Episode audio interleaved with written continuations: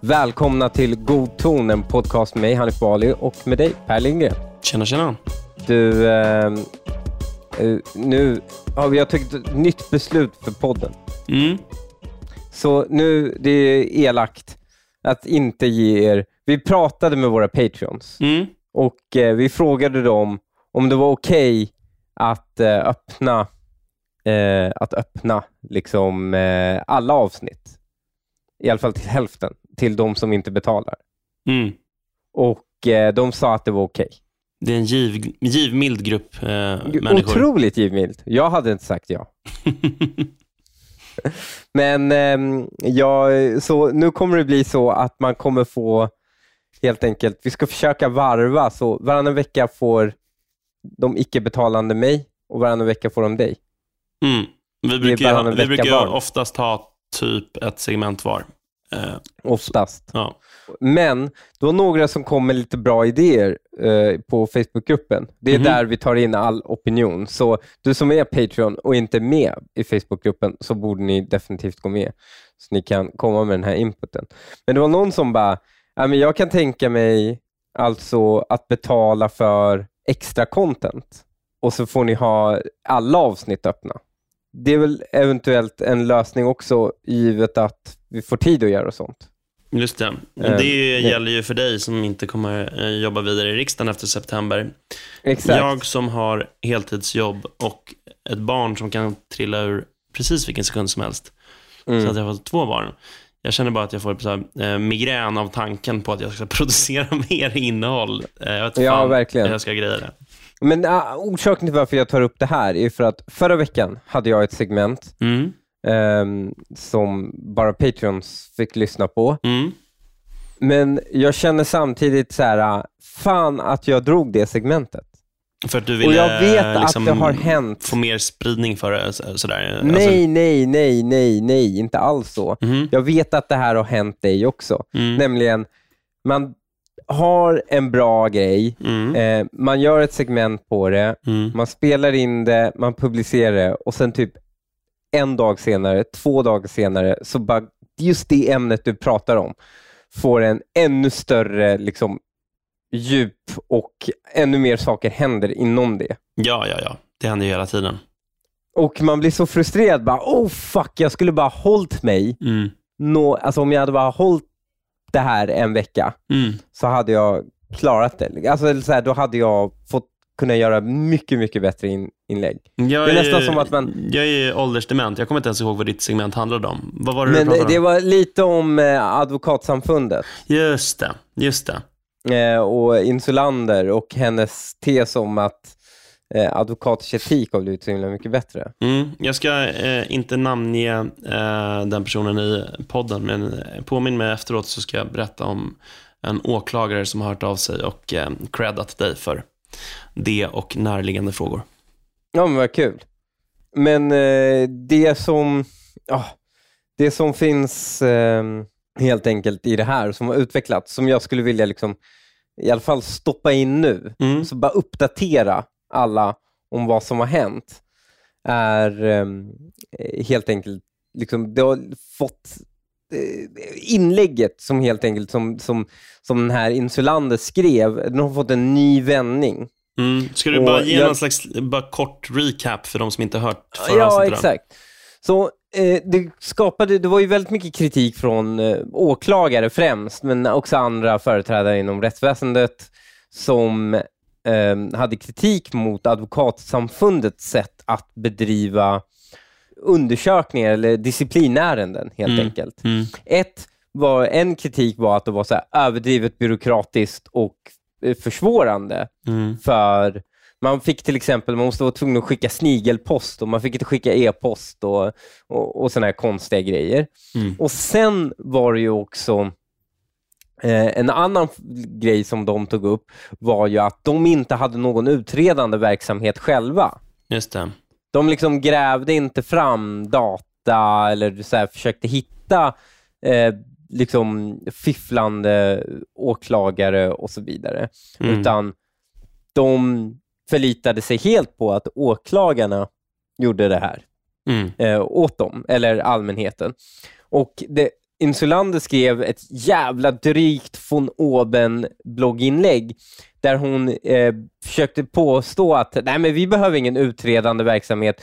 By the way, styrelsen har ju själva tagit ehm, Styrelsen har ju själva tagit liksom, initiativ till utredningar. Exempelvis den här, en, en person vi uteslöt nu förra månaden. Mm. Och då är det alltså den här, du vet, den här Barsom, eh, du vet han som fiff, alltså han som var topp 10 i högst fakturerande advokater, Mm. som fifflade så hårt att han var på två platser samtidigt i domstolsprotokollen och fakturerade för att han var på två rättegångar samtidigt. Mm.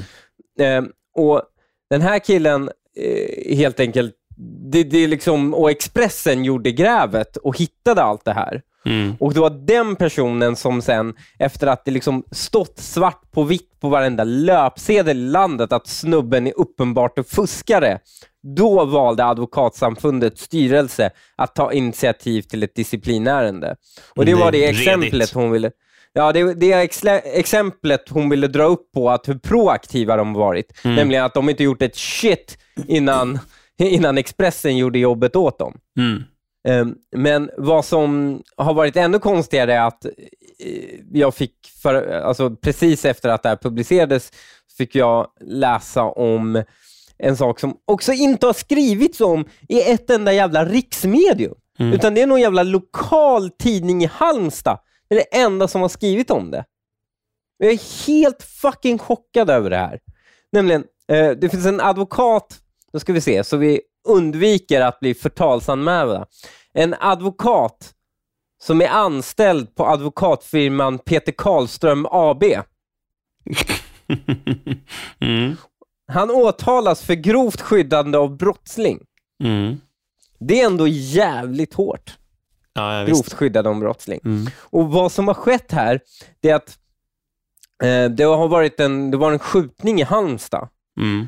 eh, där flera personer misstänktes för försök till mord Mm. och ehm, i, liksom, i tingsrätten, så under hela utredningen så var eh, den här advokatens klient eh, Perparim Imeri, Mm. eh, han eh, sa ingenting. Det var liksom inga kommentarer. Mm. Och sen plötsligt ur ingenstans, mitt i domstolen, eh, under tingsrättsförhandlingarna, så blir han väldigt bra, pratglad och pratar i detalj om att eh, vapnet man kunde se honom på bild eh, och som åklagaren eh, vad heter det, som åklagaren hade som väldigt liksom, stark bevisning, Mm. att en, en, eh, vapnet man kunde se honom hålla på bild, det var faktiskt ett pluggat vapen. Ett, det. ett, ett falskt vapen. Och den här ligger faktiskt i ett förråd just nu. Åklagaren liksom eh, det här är, är ren bullshit av åklagaren att han skulle ha hållit i ett riktigt vapen. Det är helt omöjligt. För han, han, han hade, det där är ett pluggat vapen. Mm. Och det görs en husrannsakan och man hittar det här vapnet Mm. då, det här pluggade vapnet. Men problemet är att polisen hade ju förvisso, de hade ju redan undersökt det här förrådsutrymmet där det här vapnet hade gömts. De hade redan sökt igenom det tre gånger. Men nu den fjärde gången hittar man det här vapnet. Det är lätt hänt ändå. Ja, det är lätt hänt. Mi- Missade Eh. tre gånger. Men, och, och hela åtalet då ogillades. Allting bara föll ihop. Åklagarens hela liksom, linje föll ihop som ett korthus. Eh, och han, ogillades. Mm. Eh, och Perparim, han flydde snabbt till Kosovo. Förmodligen väldigt nöjd med sin val av advokat. Mm. Och sen så kom ju Encrochat. Och via Encro kan man se hur det beställs helt enkelt från advokaten Mm. Till hans gängkriminella polare. Att man placerar ut vapnet i det här, alltså när killen sitter häktad, så placerar man ut det här vapnet. Det är så jävla vidrigt. Så den här advokaten nu, han ska nu, han är åtalad, men den här snubben är ju också gan. Han är i Kosovo. Mm. Han är häktad i sin frånvaro, men kommer man få tillbaka den här snubben från Kosovo tror du? jag skulle inte tro det. Förhoppningsvis inte. Frågan är så att säga om han kommer dyka upp sen när eh, preskriptionstiden på det här har gått ut. Vadå förhoppningsvis inte? Ja, alltså jag vill inte att den här snubben, liksom för det första, jag, jag vill inte att den här snubben kommer tillbaka när preskriptionstiden tar slut. Ja, nej, okej. Men du uttryckte det som att du inte vill att han ska komma Nej, tillbaka. jag vill att han döms och sen vill jag att han utvisas till Kosovo, särskilt med tanke på att han uppenbarligen kan åka till Kosovo. Mm. Alltså, har du tänkt på det? Att det, det är så jävla kul. Man kan inte liksom, man utvisar aldrig till vissa länder. Mm. Men är det inte spännande att de här kriminella, innan de blir fällda för brott, Mm. då älskar de att åka hem till sitt hemland och ligga lågt. Men när, när de ska hålla sig undan från polisen. Mm. Mm. Men när de väl ska utvisas, Ja, då När är det de har livsfarligt fallit. att åka hem igen. Är det är livsfarligt. Mm. Eh, De är eh, politiska flyktingar allihopa. Mm. Mm. De har liksom gått i, i bräschen för demokrati i sitt hemland och det är därför de inte kan utvisas. Det är ändå väldigt intressant hur mycket det korrelerar mellan att liksom vara djupt politiskt aktiv för demokrati och sen vara gängkriminell i Sverige. Mm. Men eh, Ja, ja, helt det, sanslöst. jag, jag, jag har alltid und- fan, man borde utvisa mer aggressivt alltså. Ja, Man borde absolut bara så. dumpa folk i andra länder. Också, man borde så här förvägra visum till, inte bara, alltså det man, inte, det man ska göra är, inte bara förvägra visum till bara folk i allmänhet från de länder som vägrar ta emot sina medborgare. Mm.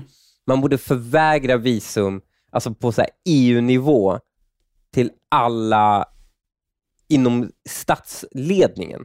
Så att deras liksom, rika oligarkfamiljer från liksom, Libanon, eh, Iran och liksom alla de här länderna inte kan komma till Sverige och Mm. inte kan komma till EU och turista som de brukar göra. Mm. Ja, ja.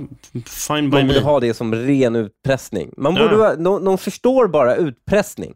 Och det är lite, jag är li- lite så här, jag, jag, eh, jag hoppas i alla fall att det blir ett skifte i det här, för med Ryssland Mm. så har folk fått så här blodad tand för rena sanktioner. Just det. Har du märkt det? Mm, ja, Att så här- gud ja. Eh, det är inga sanktioner är tillräckliga förrän det är 100% liksom hela ekonomin decimerad. Mm. Och det är så här, det såg man inte ens med Iran. Liksom. Nej. Alltså, det, där var det ju fortfarande Ja, men där var det ju fortfarande så här, nej men vi ska ha fred och dialog och avtal och bla bla bla. Eh, handel. Men nu så har alla plötsligt vänt att nej men det, sånt funkar inte med diktaturer. Nej, nej precis. Men sen finns det ju en så här, någon naiv förhoppning att sanktionerna kommer leda till regimskifte. Och det gör det ju inte. Sanktioner leder inte till re- regimskifte, det gör det aldrig.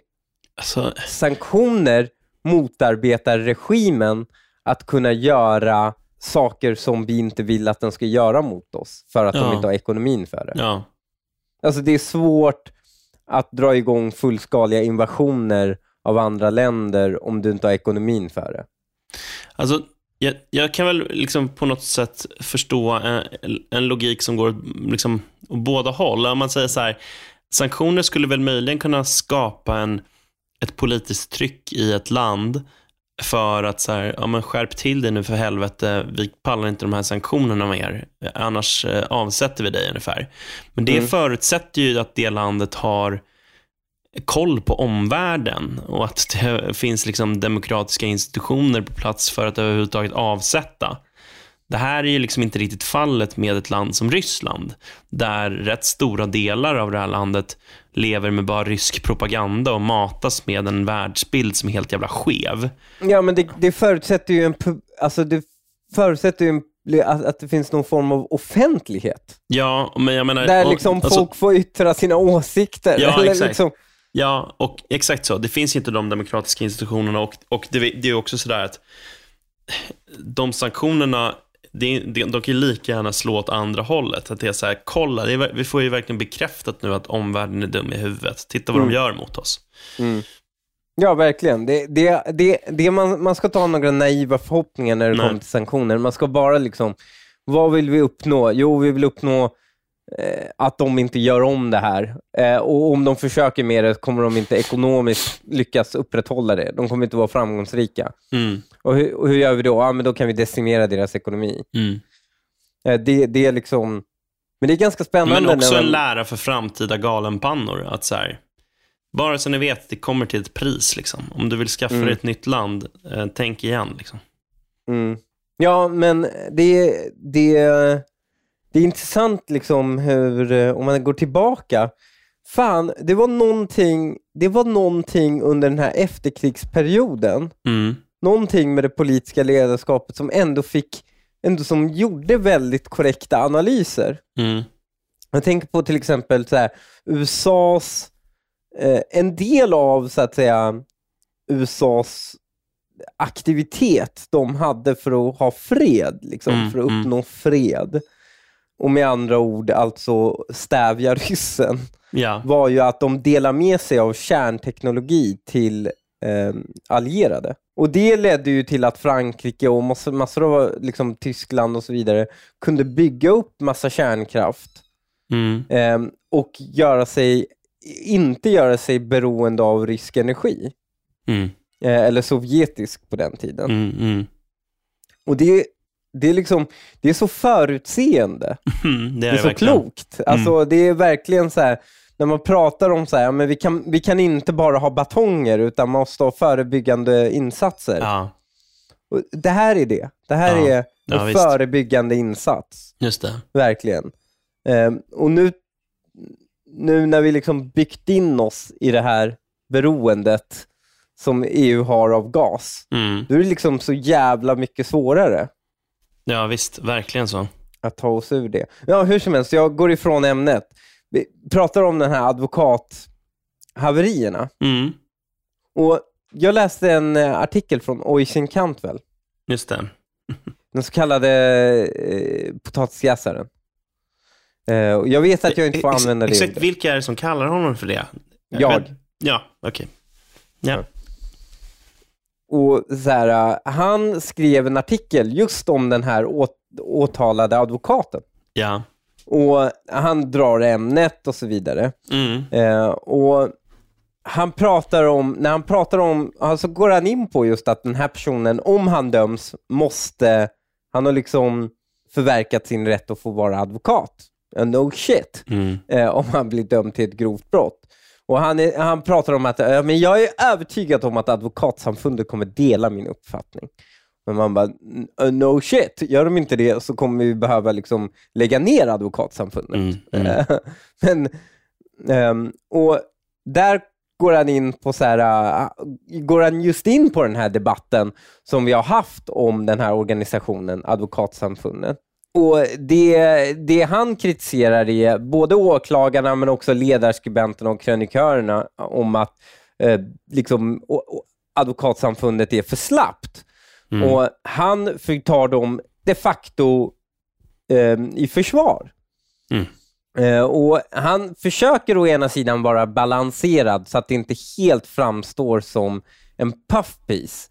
Men tittar man på, var, ehm, på vad han anför för bevis, då drar han upp den här Neo Barstedt exempelvis. Alltså, han upprepar de facto exakt vad Mia Insulander har sagt. De tar upp Neo Barstedt som, ett, som någon form av victory lap för advokatsamfundet, trots att det var Expressen som gjorde grävet. Mm. Att de uteslöt en jurist eh, blev liksom som, som fifflade är ju helt otroligt att man tar det som cred. Ja. Att, alltså, åh, det var en 46 sidor lång utredning. No shit, det skapades liksom 100 sidor Expressen-utredning var det ju. så, så, eh, och han, han, han tar deras linje, tar till exempel det här stycket. Vissa anser att denna organisation borde inrätta en egen utredningsfunktion. Det är möjligt att det är en god idé, men jag har svårt att se vilken nytta den skulle göra. Jo, jag kan berätta för dig, Oisin, vilken nytta den skulle göra. Ja, till exempel det Expressen gjorde. Mm. Ja, det, det är någonting den hade kunnat göra. Mm. Mm. Och Sen drar han upp det här. Det är i rättegångarna som misskötsel döljer sig. Och även med en egen grupp utredare är samfundets problem att den är beroende av information från åklagare och domare. Det stämmer inte. Expressen var inte beroende av information från åklagare och domare för att utreda. Nej. Det borde rimligtvis vara så att en person som blev advokat för bara typ tre år sedan plötsligt är i topp tio högst fakturerande advokater Mm. som drar in liksom miljonsummor. Att den personen per automatik borde få en utredning öppnad mot sig. Mm. Men, Och hade man, vänta, hade man gjort det, ja. då hade minst 20% av årets topplista åkt dit. Helt sjukt. Och här drar han ehm, eh, slutsatsen. Jag tror inte det är samfundet som är problemet. Eh, jag tror problemet snarare är att branschen är överetablerad. Det finns idag runt 6 000 advokater, dubbelt så många som början av 2000-talet. I denna konkurrens tar några till smutsiga metoder för att hävda sig. Men förlåt, hur, alltså ta den här, den här senaste exemplet av advokat. Mm. Han är 65 bast, den här gubben. Han har varit advokat hela livet. Det är, Ja. liksom, det, är inte, det, det är inte det. Det är inte konkurrensen. Det är knarkpengarna. Men alltså, Det är alldeles va- uppenbart han, det han, som, vadå, han, han med den planterade pistolen, han är- var Ja. 65 bast. Ja, Åh, fy fan alltså. Så jävla... var 65 bast svenne. Mm. Ja. Fy fan Och här, här, han avslutningsvis slutar han så här. Den nu pågående debatten må innehålla en del övertoner, men är viktig. En nödvändig sanering har inletts. Rötägg försvinner. Mm. Det tjänar inte minst alla hedliga advokater på. De advokater som kåren i allt väsentlighet består av. Det här är en puffpiece. Mm. Alltså Men- om, du, men om, di, om din organisation, om Ja. din organisation Per, Skattebetalarna, Mm. ni genomgick någon form av förtroendekris. Mm. Och någon bara, nej men utrensningen är på gång, de är på väg att ändra, allting håller på att bli bättre, trots att ni inte ändrat någonting. Mm. Det hade ju varit dröm-PR ju. Ja, jo, jo, absolut. Ja, men men, det- det, men jag, jag tycker så här, Advokatsamfundet eh, är ju ändå de som, som ger advokatstitel, eller hur? Ja. Ja, och alltså, eh, det är ändå en maktfunktion som är ganska viktig. Och att, och att jag vet inte, att de ska kunna...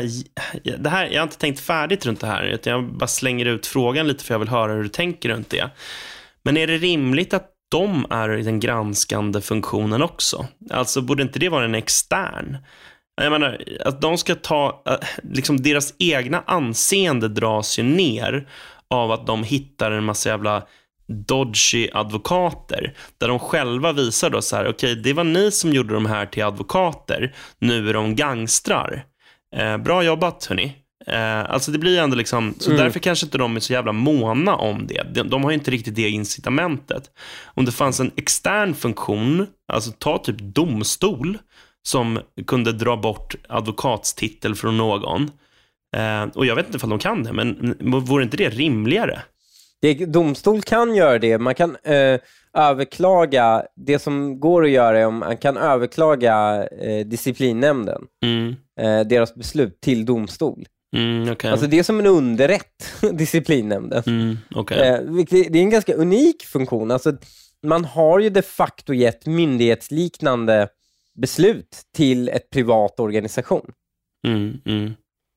Ehm, Ja, men förstår du vad jag är ute efter? Alltså den Ja. granskande funktionen, det blir liksom, alltså, du säger så här, ja, det vore jättebra om de hade den här granska, eller liksom att de gjorde den här efterforskande funktionen, för då skulle de kunna göra det Expressen eh, gjorde. Tror du att de kommer göra det? Om de får, det, om de får den, det uppgift, liksom så här, ni ska, ni ska, ni ska eh, med ljus och lykta leta upp rötäggen. Vilka är de ruttna äggen i korgen? De ska Ja. ni hitta. Kommer de verkligen leta? Nej. Nej, det är det jag, Jag är tror lite inte orolig för. Ja, de har inga incitament att göra det.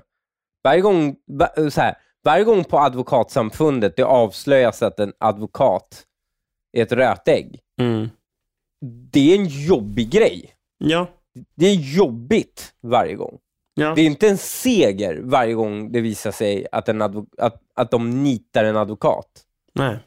Det är något skitjobbigt hos dem. Det är klart att de inte har inc- incitament. När polisen sätter dit en tjuv, då, är det ju, då delar man ut tårta. Liksom. Mm. Förstår du? Då är man glad. Mm. Men det, du kan ju inte ha en organisation som tycker att det är jobbigt. Någon som så här, hej, Svenska tjuvnämnden, kan ni ta hand om och se till att de dåliga tjuvarna åker in? Alltså, så här, det, det är klart att de inte kommer ha incitamenten att så här, de utan tjuvheder, det är de vi ska hitta. Mm. Det, det, det, är helt orimligt. Men den här puffpisen som Oisin Cantwell skriver, som Mm. till strukturen nästan är liksom identisk till Insulanders eh, blogginlägg för bara några veckor innan. Mm. Då tänkte man så här, hur mycket hade det kostat om man skulle vilja ha det här som reklam? Jag menar, vad kostar en helsida i, i en helsida? Det här är ju ändå inte en helsida, det är en kolumn, Mm. eller hur? Mm. Men en helsida i en tidning, det fick vi lära oss kostade vad? 70 000? 120 000? Nej, alltså på Dagens Industris, I Dagens Industri så kostar det 155 900 ex moms och avgifter. Men, ja. men om, man 150. är, om man är från eh, eh, den nepotistiska insidan så kostar det 45 000. Okej, 45 000. Men då, det här är ju inte en helsida och det är bara online. Mm. Eh, och det är ju en sån här, det man skulle kalla för en content piece, alltså Mm. sån här inline content. Mm. De är ju billigare. Skulle de kosta kanske 25 000? Låter det rimligt? Ja, ja, jag vet inte, men säkert. Säkert. Det är ju ex, vilket är ganska så så här, det här är ju bra PR, värt att betala för. Och det ro- ironiska är att det är exakt vad eh, liksom advokatsamfundet har gjort med Oisin. För han har fått 25 000 kronor av dem i advokatsamfundets journalistpris. Så Okej. advokatsamfundet väljer att betala ut pengar till journalister som, är, som rör just brott och straff. Ja. Eh, Tror du att de journalisterna kommer ha en kritisk inställning till, en mer eller mindre kritisk inställning till advokatsamfundet efter att ha fått 25 000 kronor av dem? Förlåt, de har höjt det till 50 000 kronor nu. Fan, jag är jättespänd. Vi har ju pratat en hel del om brott och straff i den här podden. Ja, kommer vi få advokatsamfundet, jag har pratat väldigt mycket om advokat, kommer vi få 50 000 av advokatsamfundet? Spännande. Jag, jag, Och jag frågan- kan redan börja planera vad jag ska köpa för fint för pengarna. Men och saken är om vi får 50 000 kronor från valfri organisation Mm. som, som tack för vårt arbete. Ta, ta till exempel om vi skulle få 50 000 kronor från Arla. Mm. Skulle vi tycka, uh, skulle vi, och, och vi skulle liksom, vårt jobb var någon form av matlagningsjournalistik, skulle vi ha någon, eller jordbruksjournalistik, skulle vi ha en kritisk, skulle vi ha trovärdiga i att granska Arla och skriva artiklar om att Arla nu röjer upp bland rötäggen som inte sköter djurhållningen så bra. Ja. Trots att Arla inte gjort ett piss. Men här framstår det som, nej men det, det här är lugnt. Det här är, det här är korrupt journalistik. Det här är korrupt. Han har, han har tagit pengar från advokatsamfundet och nu är lobbyist och försöker tvätta deras varumärke. Det är det som sker och ingen, och ingen reflekterar över det här. Det här är liksom, det, förutom den här kol- kolumnisten så är det ingen heller som skriver om den här advokaten. Helt otroligt. ja. Det var allt för den här veckan. Vill du stötta denna podd så gör du det redan. Du är redan Patreon. Har du tänkt på det? Att alla som kommer så här långt är Patreon. Så därför vill jag tacka dig för att du stöttar denna podd. Men du som är Patreon, du borde definitivt gå med i vår Facebookgrupp och det hittar du på patreon.com godton. Så loggar du in där och där på din wall där så kommer det stå ett inlägg på godtonwallen står det där hur man går med i Facebookgruppen, koden man ska ange, länken för att bli medlem. Eh, annars kan man följa oss på Instagram på god ton. Man hittar oss på Twitter, man hittar oss lite överallt. Och sen vill jag också säga att vi kommer köra en live god ton. Just det. Ja, och det är i Gävle.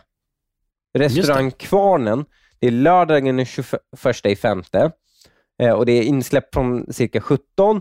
Och Det man gör är att man hör av sig till Lotta Söderström. Och Henne kan man ringa på 070 77 43 746. Och Då kan man liksom säkra sin plats om man vill det.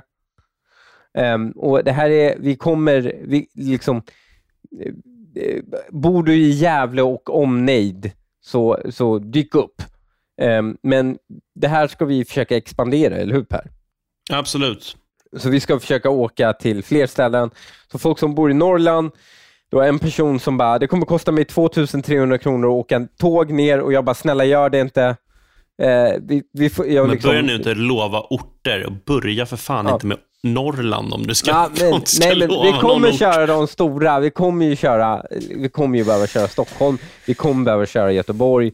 Vi kommer behöva köra södra Sverige också. Liksom, eh, det kommer ske förr eller senare. ja, ja. Ja, men vi kommer ju behöva landa någonstans i Norrland också. I och för sig är Gävle tekniskt sett Norrland. Men det är liksom oh, på Där håret. kan vi inte längre komma in till Norrland utan att bli jagade av hagelbrakare. Varför det? Men Gävle är väl för fan inte Norrland? Jo, oh, oh. Gävle är Norrland. Hur, hur, hur menar du nu? Hur Gävle är Norrland? Ja. Gävle, Norrland söker jag. Härmed bevisat att Gävle inte ligger i Norrland. Va? Då ska vi se. Var ligger Norrland? Norrlandsgränsen? Ja, men det är Dalälven. Det är norr om Dalälven. Då är det Norrland. Ah, agree to disagree. Gävle ah. är Norrland. Jag är helt säker på det. Okej, okay, vi säger så. Åh oh, nej, här läser jag på Wikipedia. Gävleborgs län är ett län i sydöstra delen av Norrland i mellersta Sverige. Ja, ja. Vi säger så. Så ja. mycket visste jag om svensk geografi. Ja, det, jag visste att jag hade rätt. Fuck! Att jag lät mig tvivla. Första, du... träffen var, första träffen var att det inte låg i Norrland. Ja, men det jag... var Gävle Dagblad som ville ta avstånd från Norrland. Ja. Men hur som helst. Um, ja. Vi kommer behöva, vi, så, så hör av er till, uh, den finns på vår Facebookgrupp, det finns på min Facebook-sida, finns inbjudan, så kan ni hitta det. Vi kanske borde posta i Patreon-wallen också så folk får tillgång till det och kan läsa det. Och så Det kommer vi göra. Annars var det allt för den här veckan, så syns vi nästa vecka. Det gör vi. Ha det gött! Ciao!